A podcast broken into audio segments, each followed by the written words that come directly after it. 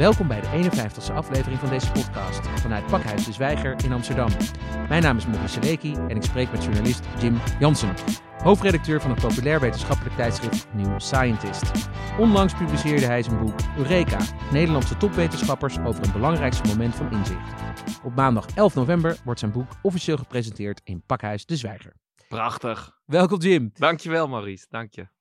Eureka. Uh, we kennen deze uitspraak natuurlijk allemaal. Uh, een bekende uitspraak van Archimedes, Mhm. Griekse oudheid. Het betekent ik heb het gevonden of ik heb het. Mhm. Hoe uh, kwam jij op het idee om je boek te schrijven? Ja, dat zijn meestal dingen die toevallig uh, ontstaan. Um, ik, uh, ik ben zelf dus hoofdredacteur bij New Scientist, maar wij doen onder die vlag, maak ik ook de wetenschapspagina's voor Parool. Doe ik al jaren, voor maar zes, zeven jaar. En dat waren er altijd drie. En volgens mij in augustus vorig jaar werden dat teruggebracht naar twee. Nou, dat vond ik jammer. Ik snap het wel, maar ik vond het wel jammer, want er moest ook geschiedenis in de krant. En ik had al eens eerder met het Algemeen Dagblad contact gehad. Dus ik dacht, ik stuurde de hoofdredacteurs een appje van... Uh, als je nog zin hebt in leuke wetenschapsideeën, laten we dan uh, eens een keer koffie drinken. Nou, hij was net met een nieuw katern bezig.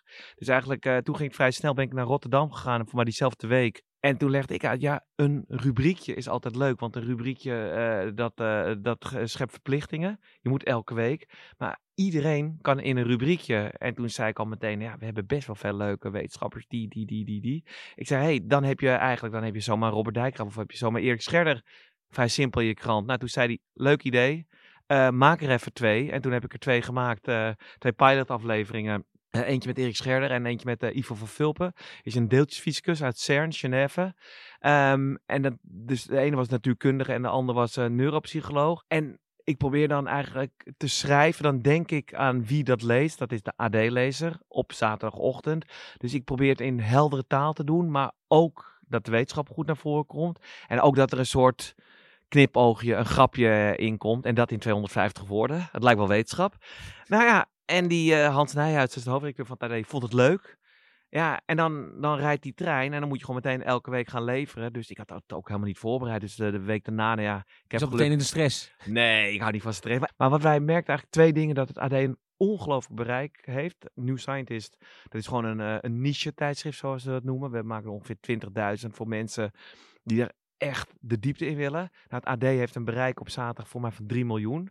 En wij zetten de uh, content online, want dat is, ik geloof heel erg in delen. Dus het staat in de papieren krant, maar je kan het gewoon gratis lezen bij newscience.nl.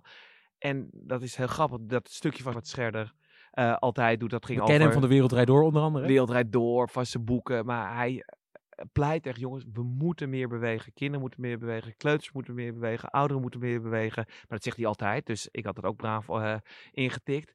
En het stukje werd echt als gek gelezen, want dat is heel leuk van online versus print. Je ziet per seconde wie er op dat stukje tikt of iemand dan vervolgens wat gaat doen. Dus eigenlijk we ook weer een leuke rubriek voor ons uh, voor newscience.nl. Dus eigenlijk uh, waren er alleen maar winnaars. Nou ja, dat was uh, oktober, oktober 2018, dus dat is dik een jaar geleden. Ja, en dan schrijf je een stukje en nog een stukje en dan heb je 20 stukjes, heb je 30 stukjes. En onder uh, New Science schrijft ook zelf boek uit. Ik ben ook uitgever. En ik zat er wel een beetje aan te denken, maar dan je eigen boek uh, uh, uit te brengen. En toen kwam gewoon een andere uitgever van Luiting Seithoff, nou, uh, die Dan Brown uitgeeft. En een nieuw boek van Frits Spits. Nou, echt een hele mooie uitgever. En die zei echt gewoon ook weer toeval, koffietje drinken, van hé, hey, ik ga dat boek uitgeven. Maar toen zei ze, ja, maar dan moet je wel heel snel met een, een cover-idee komen. Want als je een boek gaat uitbrengen, moet je ongeveer altijd ongeveer een half jaar van tevoren moet je in de catalogus staan. Moet je met een covertje komen. Dus eigenlijk, het is altijd wel, nou ja, het, het is gewoon een beetje ook hoe de wetenschap zelf. Het is altijd wel weer, uh, wel weer rennen, maar ik hou daar ook wel heel erg van. En voor mij is het heel erg leuk om gewoon elke week een wetenschapper te bellen, soms twee keer per week. In juni was een beetje het, hoogtepunt van het schrijven, want ik had gewoon een aantal stukjes, maar er moest ook een heel groot aantal stukken gemaakt worden. Dus dan leg je die op de plank, zo heet dat in de journalistiek. Nou ja, en dus ik ging in juni... Het is eigenlijk al, nu al een soort van mini-college journalistiek. Uh... Ja, ja, sorry, je onderbreekt mij nee, wel hoor. Nee, maar dit, dit, dit, is, is heerlijk. Want, want Jim, nog heel even, ja? hoeveel wetenschappers heb je nu in 59. totaal? 59. Waarom dacht, net die 60ste niet? Nou ja, dat is... Uh, uh, um, net niet gelukt. nee, ik dacht dat het de 60 waren, maar in 59 waren mijn ouders getrouwd. Dus dat is misschien nee. Nee, ik dacht dat ik er 60 had. En dat zullen jullie ook wel kennen als je aan het produceren bent. Dus op een gegeven moment heb je gewoon een heel groot Word-document. En dat ging dan best wel onhandig nummeren. En toen dacht ik, hé hey, jongens, we hebben er maar 59 van. We moeten er wel we missen er eigenlijk nog één. Maar dat, dat, dat kan misschien bij de tweede druk, want ik heb begrepen Ja. dat het heel hard gaat eh, met het boek. Ja. Ehm, ja, en dan nog even naar die wetenschappers. Hè, want Mhm. je vertelt er eh, al nu al zo bevlogen over, maar Zeker. daarin, eh, daarin proef je ook een, een echte persoonlijke drive en fascinatie met de wetenschap. Wat, wat is dat? Waar komt dat vandaan? Bij jou? Ja, eh, dat, dat is een goede vraag. Nou, voor mij, ik ben twintig jaar geleden ben ik ooit toevallig hoofdredacteur geworden. Toen de, van Havana heet dat blad. Dat was het hogeschoolblad. Hogeschool van Amsterdam. En toen merkte ik dat ik wel interviews gewoon heel leuk vond. Ik heb eh, echt van iedereen in de journalistiek vroeger bij de schoolkrant begonnen. En stukjes tikken in de muziekjournalistiek. Dus al die stappen heb ik gemaakt toen werd ik hoofdredacteur. Toen vond ik je, je hebt trouwens eh orthopedagogiek gestudeerd, Ja. gestudeerd hè, aan de UvA. Ja. Zeker. Ehm, en toen merkte ik dat ik interviews heel leuk vond. Nou, van Folia ben ik naar, eh, van, van eh, Havana ben ik naar Folia, was het blad van de universiteit. Toen kwam ik al wat meer eh, in aanraking met wetenschap. Daar, ja, een beetje gelukkig kwam ik Robert Dijkgraaf tegen. We hadden eigenlijk meteen een hele goede klik, 15 jaar geleden. Dat was Al- voordat hij eigenlijk echt zo Ja. wereldwijd doorbrak en al die Ja, prijzen. Dat zat net op denk- dat slijvlak toen. Ja, ik denk ongeveer dat jaar dat hij zomergast was. Denk ik, ongeveer die. Dus hij zat, hij zat nog bij de UvA. En hij werd toen president bij de KNW. En toen ging hij vervolgens naar Princeton. Dus nou ja, dat is prettig. We, we, we, zijn toen ook filmpjes gaan maken. Hij werd columnist bij Folia. Dus dat is al heerlijk iemand zo naast te hebben. En toen merkte ik wel, laat zeggen, Folia gaat over studenten, gaat over het college van bestuur. Oninteressant. Studenten niet hoor, maar college en allemaal eh, MR-achtige zaken. Maar die wetenschappers, dat vond ik wel heel leuk. Heel interessant. En of het nou een natuurkundige was of een psycholoog. En bij de UvA hadden we er, hebben we er heel veel. Eh, toen ben ik dingetjes voor het parool gaan doen. Daar ben je ook wetenschapsredacteur. redacteur. eh, ja, van- van de pagina's doe ik al eh, een jaar of zeven. Ja, en New Scientist kwam langs. Ik heb een briefje geschreven, want uh, New Scientist is van oorsprong is het een Engels blad. Bestaat al een jaar of vijftig, denk ik.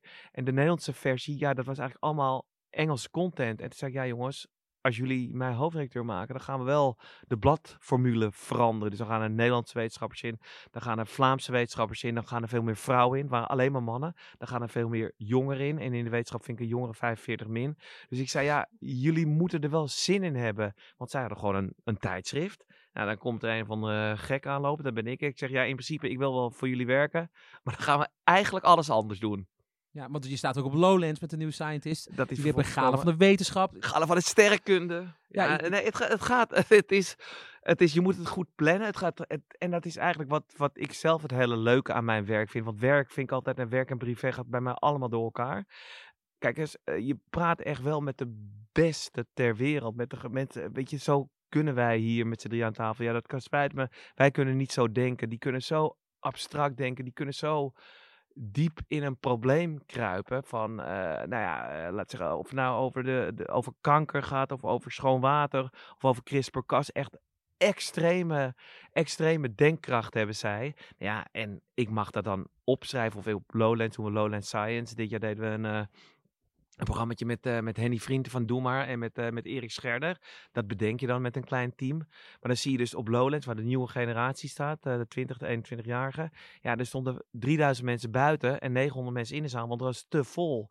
En Dus iedereen wil dat ook, ook zien. nou ja, dat, ik ben een optimist, maar ik vind het wel leuk. Er is heel veel mogelijkheid om, om over wetenschap te communiceren, om over wetenschap te praten. Nou ja, New Scientist, zo'n boekje. En, dat, en ik denk dat wel dat het heel belangrijk is. Het zijn best wel interessante tijden, maar ook niet altijd even makkelijke tijden. Als je politiek ziet of als je nou ja, de snelheid waar, waar, waar mening gevormd wordt. Nou ja, wetenschap is per definitie heel langzaam. We gaan, het daar eh, ook in deze podcast uitgebreid over hebben. Over die maatschappelijke rol en die verantwoordelijkheid van de wetenschappers. En ook, ook eh, politiek. Komt misschien een klein beetje voorbij. Of in ieder geval de geopolitiek op de Mhm. achtergrond. Ehm, ja, jij hebt zo'n goed beeld gekregen van, van die Nederlandse wetenschappers. Omdat je er zoveel hebt geïnterviewd voor dit boek. Maar ook eh, in je verdere loopbaan. Hoe zou jij nu, hè, we zijn eh, eind 2019. Hoe zou jij nu de staat van de Nederlandse wetenschap beschrijven? Nou ja, daar, daar wil ik twee antwoorden. Als je zegt antwoord in één woord, zeg ik het gaat goed. Goed. En als je zegt antwoord in twee woorden, zeg ik niet goed. Nou goed, eh, weet je, het gaat fantastisch. Als je een klein land.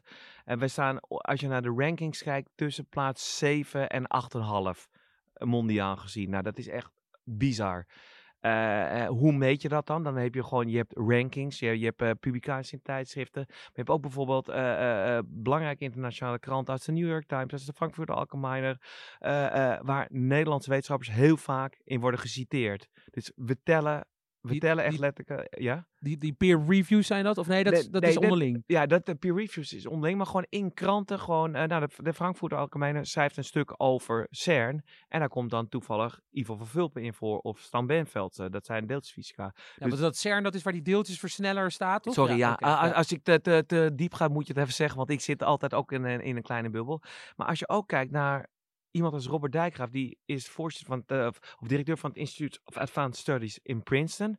Dat is de eerste Europeaan die die plek heeft gekregen. Einstein zat er, nou ja, en hij zit er nu. Dus geen enkele andere Europeaan zit er, ja. Dus, hij, dus A, het gaat echt heel goed.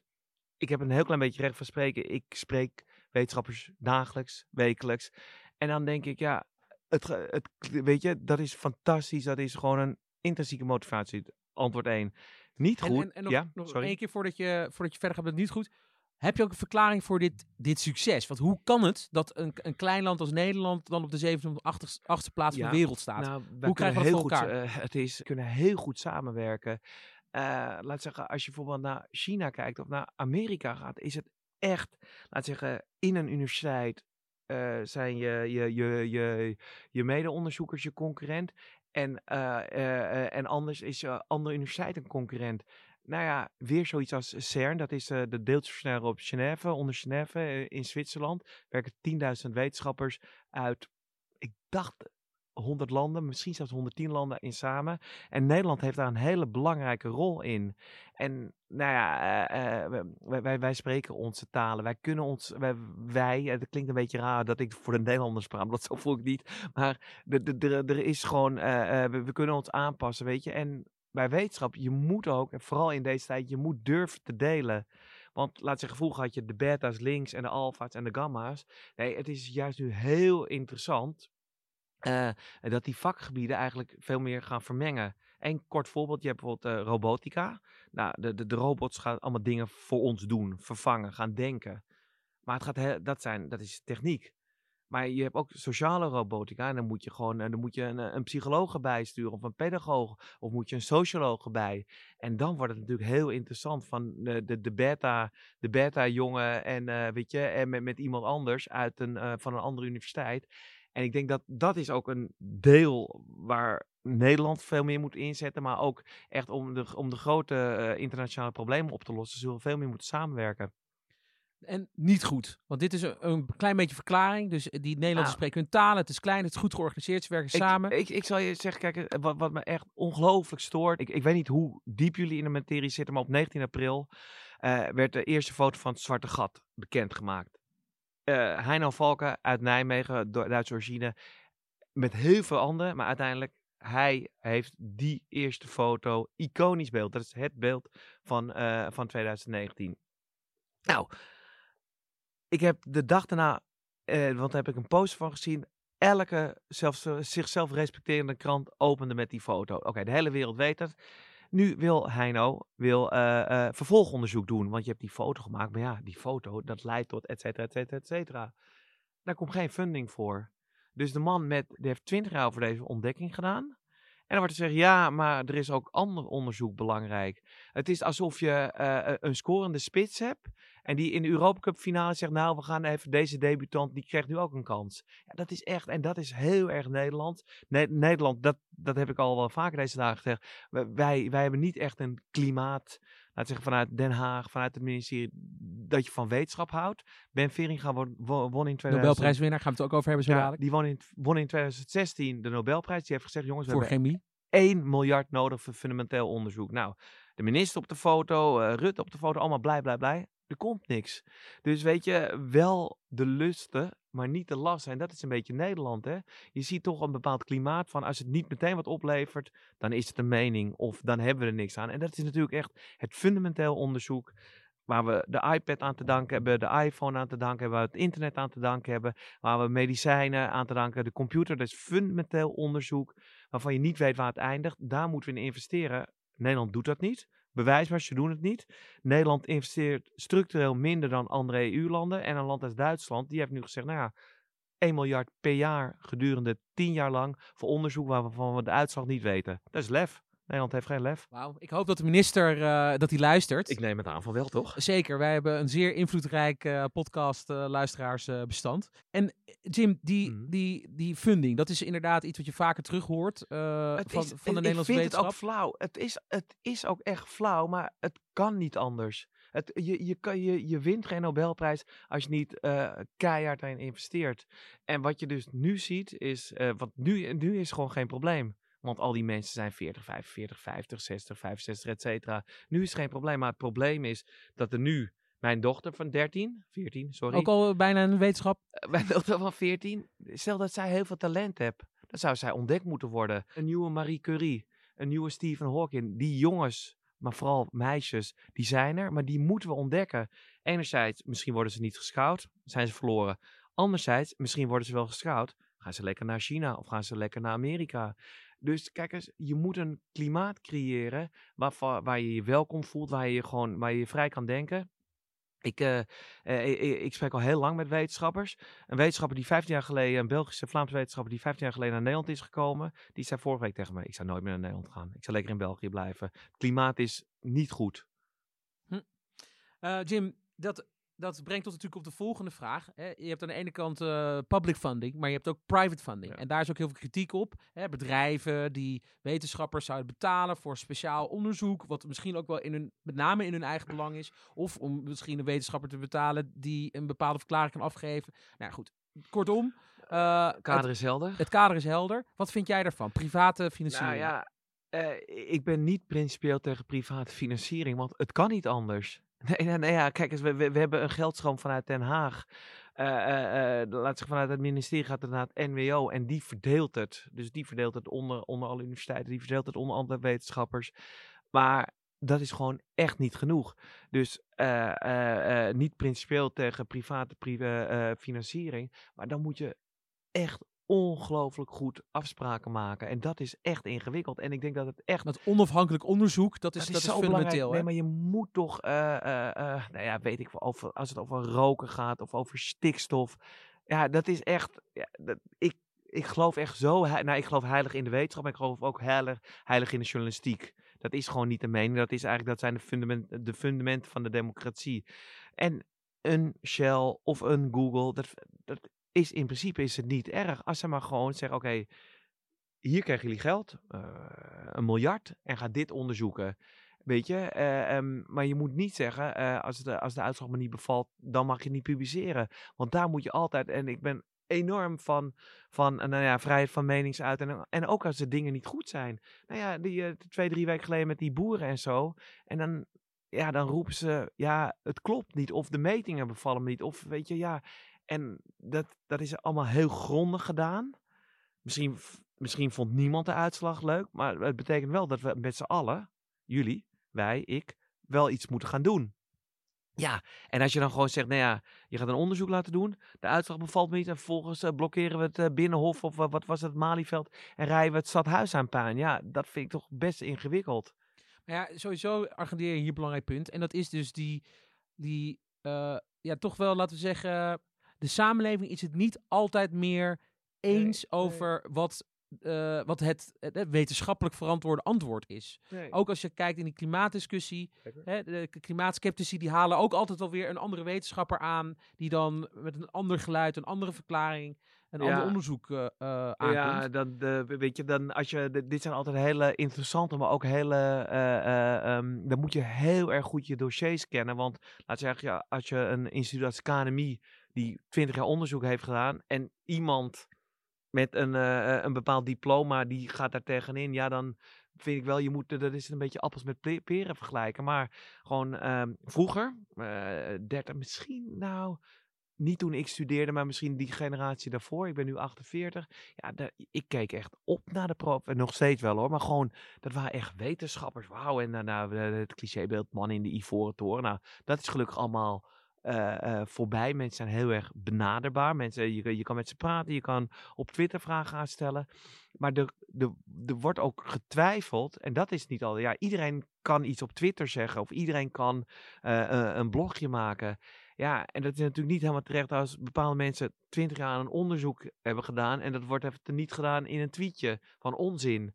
Weet je, dus je moet ook, je moet het echt op waarde schatten. Maar hoe kan die wetenschap zich daartegen wapenen? Tegen, Eh, dit- tegen dat dit, tweet? dit, nou, dit soort dingen en, en bepaalde mensen moet je gewoon negeren. Nee, maar gewoon met elkaar echt. Ik, ik hou heel erg van discussies. Ik hoef het ook nooit met iedereen eens te zijn. Weet je, eh, eh, ook, er was afgelopen week dus heel veel discussie over die foto van het zwarte gat. En of die man nou wel of niet extra subsidie moest krijgen. Nou ja, ik vind het interessant dat mensen het niet met elkaar eens zijn. Met argumenten, met binnen de, de, de, de normen van de, grens van het fatsoen. Maar ja, als je dan nare dingen op Twitter zet, ja, daar, daar kan je niet tegen wapenen. En als de ene eh, gemute is, dan is het de volgende. Of dan is het dezelfde met een ander profiel. Dus ik denk, je moet altijd met elkaar in gesprek blijven. En je moet ook heel veel, juist, daar hou ik heel erg van, mensen enthousiast maken voor, eh, voor wetenschap. Maar ook enthousiast, eh, voor, hoe heet het, de nieuwe generatie aanboren. Ik heb eh Young Scientist bedacht voor wetenschap voor kinderen van 8 tot 12. Boekje, zomer.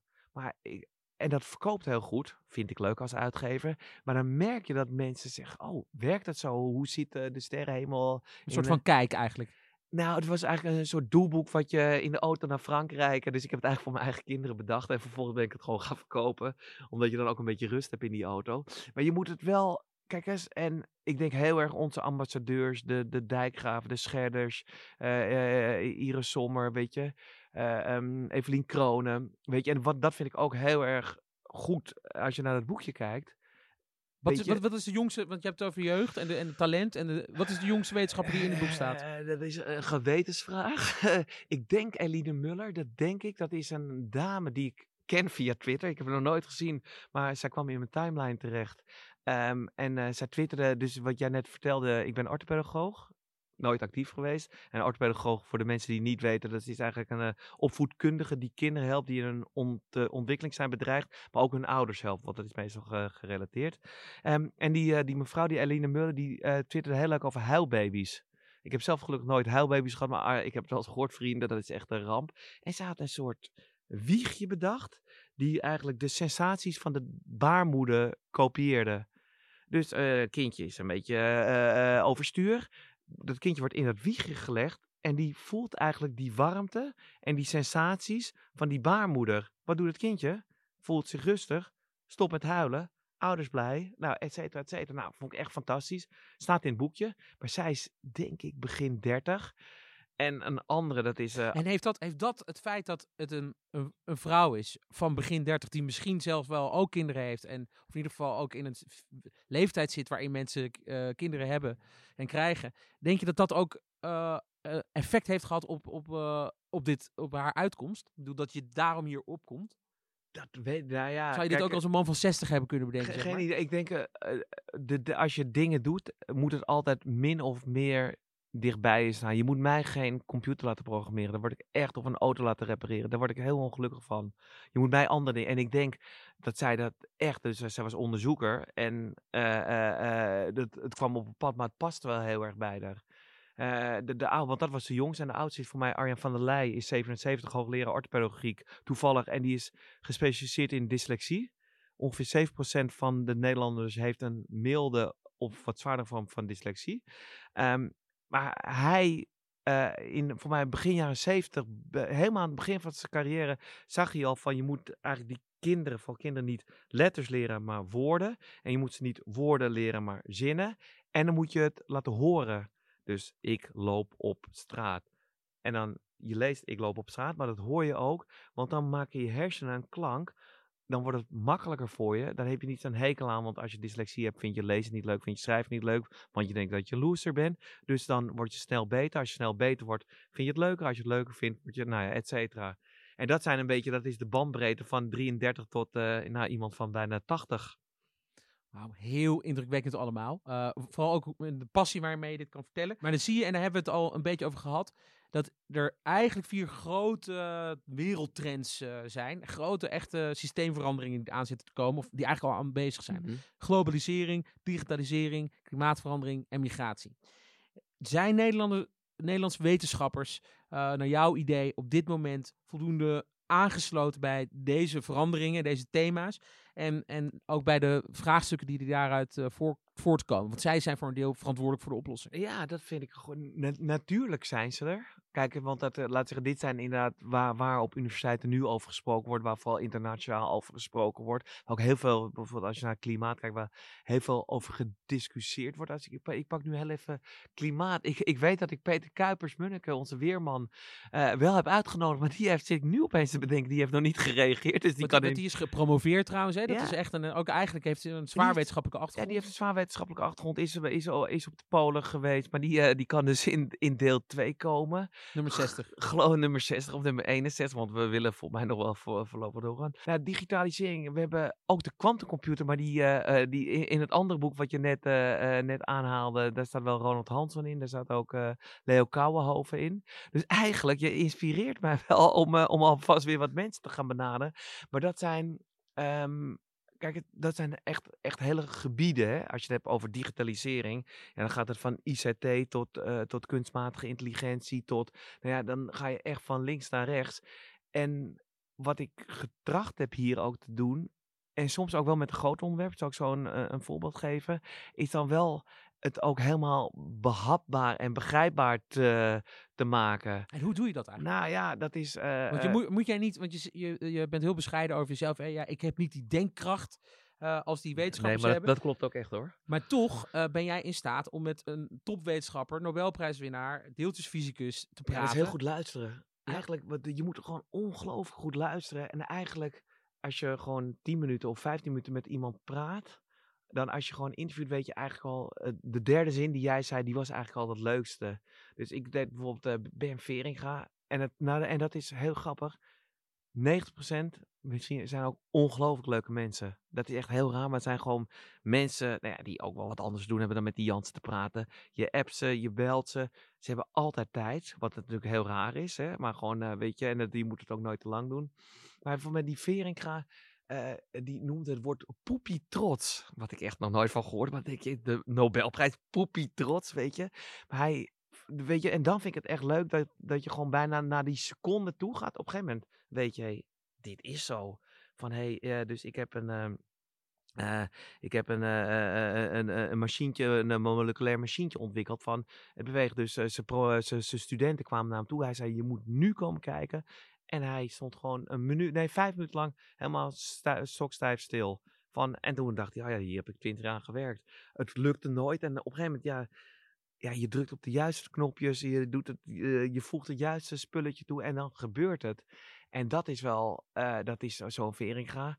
Eh, eh, maar zo. wat, wat maakt hem eh, eh, zo, Ja, zo ja, Veringa? Want hij is Nobelprijswinnaar. Mhm. Hij is echt wel eventjes weer ja, een, een andere league, andere league, andere Maar league. wat maakt hem dan tot een Nobe- Nobelprijswinnaar? Ja, omdat je gewoon altijd, hij, je moet altijd doorgaan. Weet je, dus, eh, dus ehm, eh, wij hebben nu wat intensiever contact, want hij is eh, eh, co-host bij het Galen van de Wetenschap, eh, wat wij over drie weken hier in de stad doen.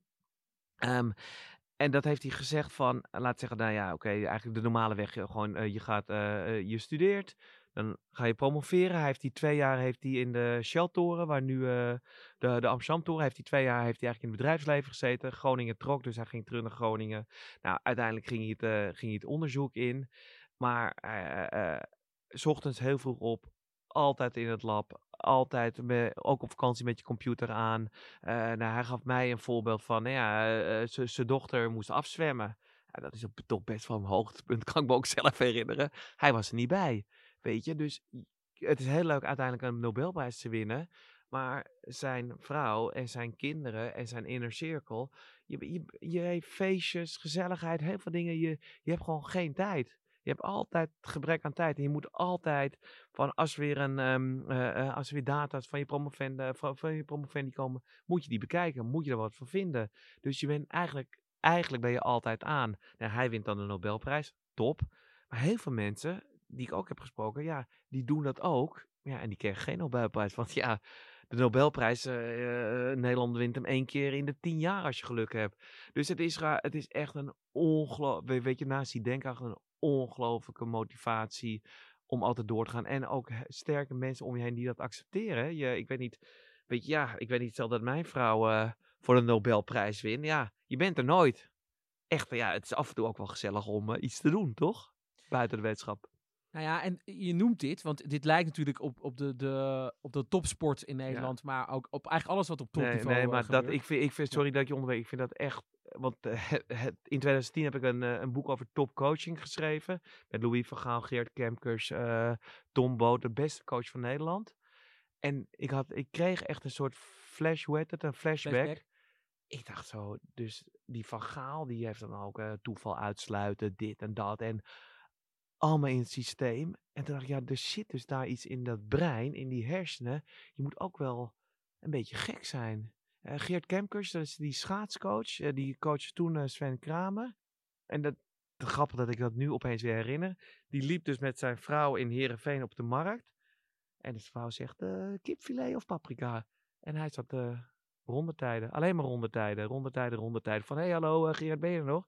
En dat is denk ik ook, ook met deze wetenschappers. Weet je, als jij nu de kwantumcomputer aan het bouwen bent, als jij nu eigenlijk dat CRISPR-Cas, wat een enorme grote revolutie. Wij kunnen gewoon DNA gaan veranderen. We kunnen mensen gaan veranderen. Dat kan al. Als jij dat kan en jij staat echt, eh, echt John van der Oost staat in het boekje, die staat echt aan de voor, weet je, die staat eh, bovenaan, staat hij daar, hè? Ja, dan, Moet je monomaan bezig zijn. ja, maar het zijn ook, en Maurice, eerlijk waar, eerlijk waar, het zijn 80, 90% ongelooflijk leuke mensen met wie je gewoon ook in het café kan zitten. En met, ehm, wie was dat ook alweer? Staat niet in het boekje. ik, eh, ik vind het nu al, ik was met Erik Verlinde. Ik had een avond over Einstein gepresenteerd. Ik zat met Erik Verlinde, was maart vorig jaar, 14 maart. En dat was de periode dat Ajax het heel goed deed. En wij zaten een beetje na te praten in Tivoli. En eh, dus ik dacht, het zal wel over zwarte gaten gaan, of over donkere materie bestaat het of bestaat niet. Maar, hij had het alleen maar over Ajax. En dat vond ik dan ook weer, weer bijna leuk, van echt de grote Erik Verlinde, weet je. Die het dan ook wel weer eh, ja, aan de bar over Ajax kan hebben. Want dat is, ja, het is gewoon, en dat is wel, het is wel een voorrecht om dit soort dingen te mogen maken. En is een topwetenschapper, want je beschreef net op een hele beeldende manier zeg maar, wat, wat zo'n Nobelprijswinnaar allemaal moet laten. Maar wat heel veel wetenschappers ook geen Nobelprijswinnaar ook moeten laten. Maar is zo'n topwetenschapper, is dat ook eigenlijk altijd eh hoogleraarniveau?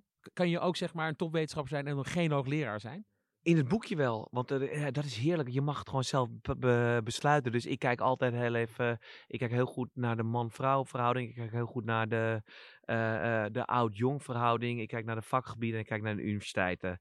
En dan hoor ik iemand op tv of dan zie ik iemand op Twitter en denk oh, leuk, ik ken jou nog niet. En dan benader ik jou. Voor mij je belangrijkste periode in je wetenschappelijke carrière, daarom zijn vrouwen altijd achtergesteld, is tussen je 30ste en 40ste. Dan ben je gepromoveerd en is het heel verstandig om naar het buitenland te gaan. Maar ja, dan is er ook best... ook een gezin op? Of- Nou ja, en echt, eh, eh, dat is ook, nou ja, no favorites eh, moet ik zeggen. Maar Evelien Kronen, dat is, ehm, eh, eh, ik weet niet of jullie haar kennen, is over het puberende brein. En die duikt echt, het is zo interessant wat er in dat brein, ja, weet je, bij pubers. Als je, ik maak nu pubers van dichtbij mee. Ik vind, ja, dat, je, moet ze eigenlijk met rust laten, want er gebeurt daar in die bovenkamer van alles. Nou, Evelien heeft dat eh, onderzocht, er doet nog steeds onderzoek. Eh, ehm, maar dat is gewoon echt nog een relatief jonge wetenschappers. Maar die heeft dus bijvoorbeeld wel een, gezin. Maar dan moet je gewoon een heel sterk iemand achter je hebben die dat gewoon allemaal steunt, faciliteert. Eh, want ik denk, ja, je moet wel, als je het echt wil maken, moet je wel hoogleraar zijn. Ja. En het liefst ook een tijdje in het buitenland hebben gezeten. Heel goed kunnen samenwerken. En vooral ongelooflijk goed tegen teleurstellingen kunnen. Want hé hey Maurice, eh, eh, ik, ik, eh, we blijven name droppen. René Bernards, echt de kankeronderzoeker. Die heeft zoveel levens gered. En ook een hele leuke man is dat. Ja, en ik denk 90% van de aanvragen, die worden gewoon afgewezen. En hij zegt, maar hoe ga je daar dan mee om? Ja, nou ja, weet ik veel. Dan Gewoon nieuwe, doorgaan. nieuwe aanvraag doen. Even weer naar Amerika. Even je gezicht laten zien. 24 uur in Amerika. Vier verschillende mensen spreken. Misschien in twee staten. Maakt niet uit. Gewoon, hé hey jongens, ik ben er. hey, heb je dit gezien? Weet je. Veel de publiciteit zoeken. Gewoon, weet je, het dat is het, als je bij de Wereld Door zit, eh, zit en vertelt over je onderzoek, of als je gewoon ook in New Scientist acht pagina's, het werkt gewoon. Want dan heel veel mensen lezen er weer van. Mensen denken, oh, ik wil dit wel ondersteunen, of kunnen we op een bepaalde manier helpen. Dus, en dat is ook wel heel belangrijk in deze tijd. Vroeger kon je gewoon lekker onderzoek doen, bam, in paper schrijven. En nu moet je ook gewoon wel goed pu- kunnen communiceren. Ja, en dat, dat, daar benoem je natuurlijk ook een, een, eh, een ding waar je misschien niet zo heel erg makkelijk voor kan opleiden. Ik bedoel, je kan natuurlijk leren communiceren. Maar ja, als we even uitgaan van het soort clichématige beeld van die monomane wetenschapper die eigenlijk alleen maar met zijn vakgebied bezig is. Als je dan ook nog je eigen PR moet doen, een manager moet zijn. Eh, Weet je, waar doen die mensen deze extra skills, deze Nou ja, EQ-skills zeg maar op? Nou ja, het, het moet niet, hè. Maar het is wel heel erg meegenomen. Dus het is heel lekker als je gewoon eh, drie zinnen eh, zonder stotteren eh, uit je mond krijgt. En dat je een beetje kan vertellen waar je onderzoek over gaat. Het is ook heel lekker als je dingen deelt. Maar niet ieder, weet je, als je het gewoon echt niet kan en je bent er gewoon echt niet voor in de wieg gelegd. Ja, dan, weet je, wat ik net zei, je moet mij ook geen auto laten repareren. Maar ik merk wel bij die nieuwe generaties, de dertigers en veertigers, dat het gewoon eigenlijk veel natuurlijker is. En mensen leren beter presenteren. En men- mensen leren ook gewoon eigenlijk het verhaal in een beetje in een notendop te vertellen. En dat kan niet iedereen. Ja, en je, hebt, je hebt gewoon eh, genieën, nou ja, die moet je gewoon maar lekker laten onderzoek doen. Maar als je echt nou, naar, de, naar, de, naar, de, naar de grote kijkt, naar Dijkgraaf is daar een voorbeeld van. Maar eh, Erik Scherder, Erik Verlinde, eh, Ronald Hansson. eh, weet je, als je gewoon naar echt de grote kijkt, ja, die kunnen dat wel heel erg goed. Veringa is daar ook fantastisch in. Hey, die Eureka-momenten, Mhm. want het gaat natuurlijk over momenten van inzicht, van helderheid, eh, van eh, illumination, eh, waarin mensen tot, tot grote ideeën komen. Zijn die Eureka-momenten ook op te roepen? Of is het, is het spontaan? Dat is, een, ja, dat is ingewikkeld, denk ik. nou ja, Archimedes lag in bad. Weet je, nou ja, ik lig zelf ook heel graag in bad. Weet je, ik ga zo even zwemmen. Dat, dat merk ik gewoon. Ik ben geen wetenschapper, maar gewoon. Dat merk ik gewoon. Bijvoorbeeld sporten werkt er heel goed bij. José van Dijk, universiteit hoogleraar ehm, In Utrecht? van de Universiteit Utrecht. eh, eh, die zei ja, gewoon, gewoon eigenlijk wandelen, ontspanning zoeken, weet je. wat, ik wel, wat ik wel heb gemerkt is, als je zoiets beleefd hebt, dat eigenlijk iedereen grijpt meteen naar de drank. Dat is ook een beetje ook weer Nederlands, hè. Bier vooral. Eh, en dat Na het Eureka-moment. na, na het Eureka-moment. Maar soms is het gewoon echt heel saai. Want soms, eh, de, heel veel dingen zijn data. En data komen uit computers. Dus dan druk je op een knop en dan komt er een blaadje uit. En dan zie je, hé, hey, dit is zo. Eh, en bij sommige, kijk, eh, soms, zoals dat Higgs-deeltje, dat is in 2012 ontdekt. Dat is eigenlijk het standaardmodel in de natuurkunde, werd daardoor gecompleteerd. Maar in eind jaren 50, begin jaren 60 werd er al, werd eigenlijk dat deeltje, dat nog niet ontdekt werd, werd al genoemd van het, bestond niet, maar het bestond wel. En daar hebben ze dus 50 jaar over gedaan. Maar toen het uiteindelijk, toen ze heel dicht bij die finish waren. Ik heb heel veel mensen toen de tijd gesproken. Ja, iedereen weet, ja jongens, zijn we het erover eens? Is de publicatie af? Maar echt, eh, is de PowerPoint af? Daar ging het uiteindelijk over. Nou oké, 4 juli 2012, persconferentie. We gaan het bekendmaken, weet je. En dan, ja, dan, weet je, dan is dat moment eigenlijk een moment van 50 jaar. Dus soms heb je iets heel erg toevalligs. Dan denk ik, oh ja, ik ben er bijna, ik ben er bijna. Eh, nou, laat ik nu maar gewoon lekker eens eh, een goede wandeling gaan maken. Of eens twee dagen niet gaan werken. Ik weet, voor mij was dat Veringa. Die heeft voor mij op een gegeven moment ook eh, een aantal weken. Voor mij, ik, misschien was het wel in zijn promotie of in, een deel van zijn carrière. Maar toen zei zijn moeder: ga, nou eens even een, keer, even een keer met je vrienden weg of zo. Dus ik denk dat dat aan het begin van zijn carrière was. Weet je. En ik geloof wel heel erg in de contrasttheorie. Voor, voor, weet je, van nou ja, je bent heel erg gefocust op iets. Ik weet niet of de luisteraars de, de laatste twee weken geleden was een hele mooie documentaire. Het staat nog op NPO Plus. ging over Princeton. En dat ging echt over hoe die beste wetenschappers ter wereld nadenken. En je ziet gewoon een beeld. Gewoon een man die wordt 36 uur gevolgd en hij ligt op de bank en hij staat. Hij drinkt heel veel koffie. Maar 36 uur lang is hij aan het nadenken. En de allerlaatste scène in die documentaire is dat hij het gevonden heeft. Hij is echt prachtig.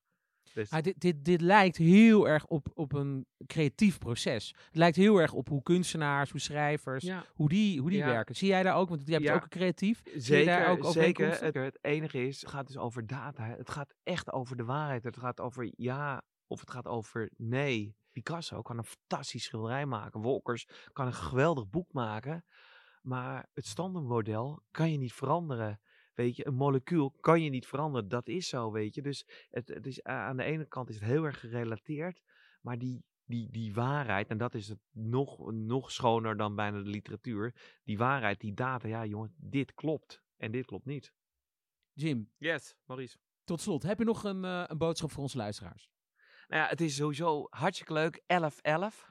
Dat is Sint Maarten. Ik heb van mijn Brabantse wetenschappers heb ik ook maar laten vertellen dat het begin van carnaval is. Zeker, zeker. niet 11e van de gedacht. 11e. Ik Ja. ben zo'n vreselijk Amsterdammer. Nee, maar we hebben hier in het Pakkers hebben een, eh, een presentatie. Nou, normaal zijn boekpresentaties altijd wat, nou ja, wat, wat formeel. En dan krijgt de uitgever of de auteur of iemand. Dus ik doe het net iets anders. Dus ik heb gewoon een aantal wetenschappers uitgenodigd die ik, eh, die ik zelf heel leuk vind. Die in, in, het, eh, in het boekje staan. Ik doe het even uit mijn hoofd. Dat is Tim Baarslag, is een wiskundige.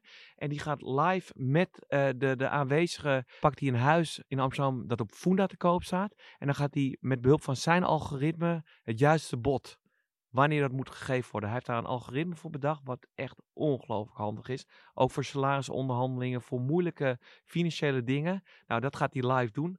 Eh, vervolgens komt Bettina Zorger. En die heeft een eh, brain-computer interface gebouwd. Voor mensen met het locked-in syndroom. Dat betekent dat je niet meer kan communiceren. Als eh, extraatje ben ik in de scan van Bettina gegaan. Heb ik een aantal oefeningen gedaan om te doen alsof ik een locked-in syndroom patiënt ben. Bijna niet voorstelbaar. En toen ben ik dus gaan communiceren. En daar is een filmpje van. Dat gaat ze uitleggen hoe dat werkt. Eh Arjan van der Leij, hij is al genoemd, gaat het eh, vertellen over dyslexie. Ivo van Vulpen over eh, de ontdekking van het Higgsdeeltje. En het is echt fantastisch. Ellie Konijn neemt Einstein mee. En dat is een robot. En tenslotte, dat is toch een beetje mijn vriend, is Erik Scherder, eh, hoogleraar neuropsychologie. Ik, ik zet hem op een home trainer. Want dan kan hij gewoon lekker bewegen. Want we moeten altijd bewegen. En dan ga ik hem interviewen. En dan eh, krijgt hij het eerste exemplaar.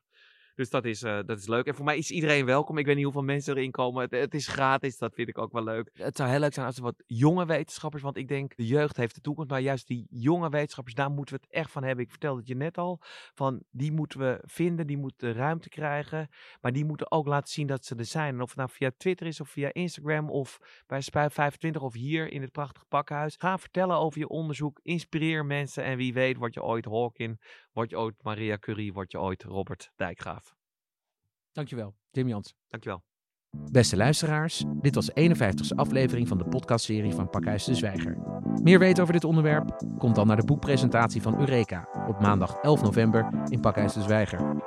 Wil je meer informatie over de andere programma's van Pakhuis de Zwijger? Ga dan naar www.dezwijger.nl. Een rating achterlaten of je abonneren op deze podcast kan via SoundCloud, Spotify, iTunes of een ander podcastplatform. Dank voor het luisteren en tot de volgende keer.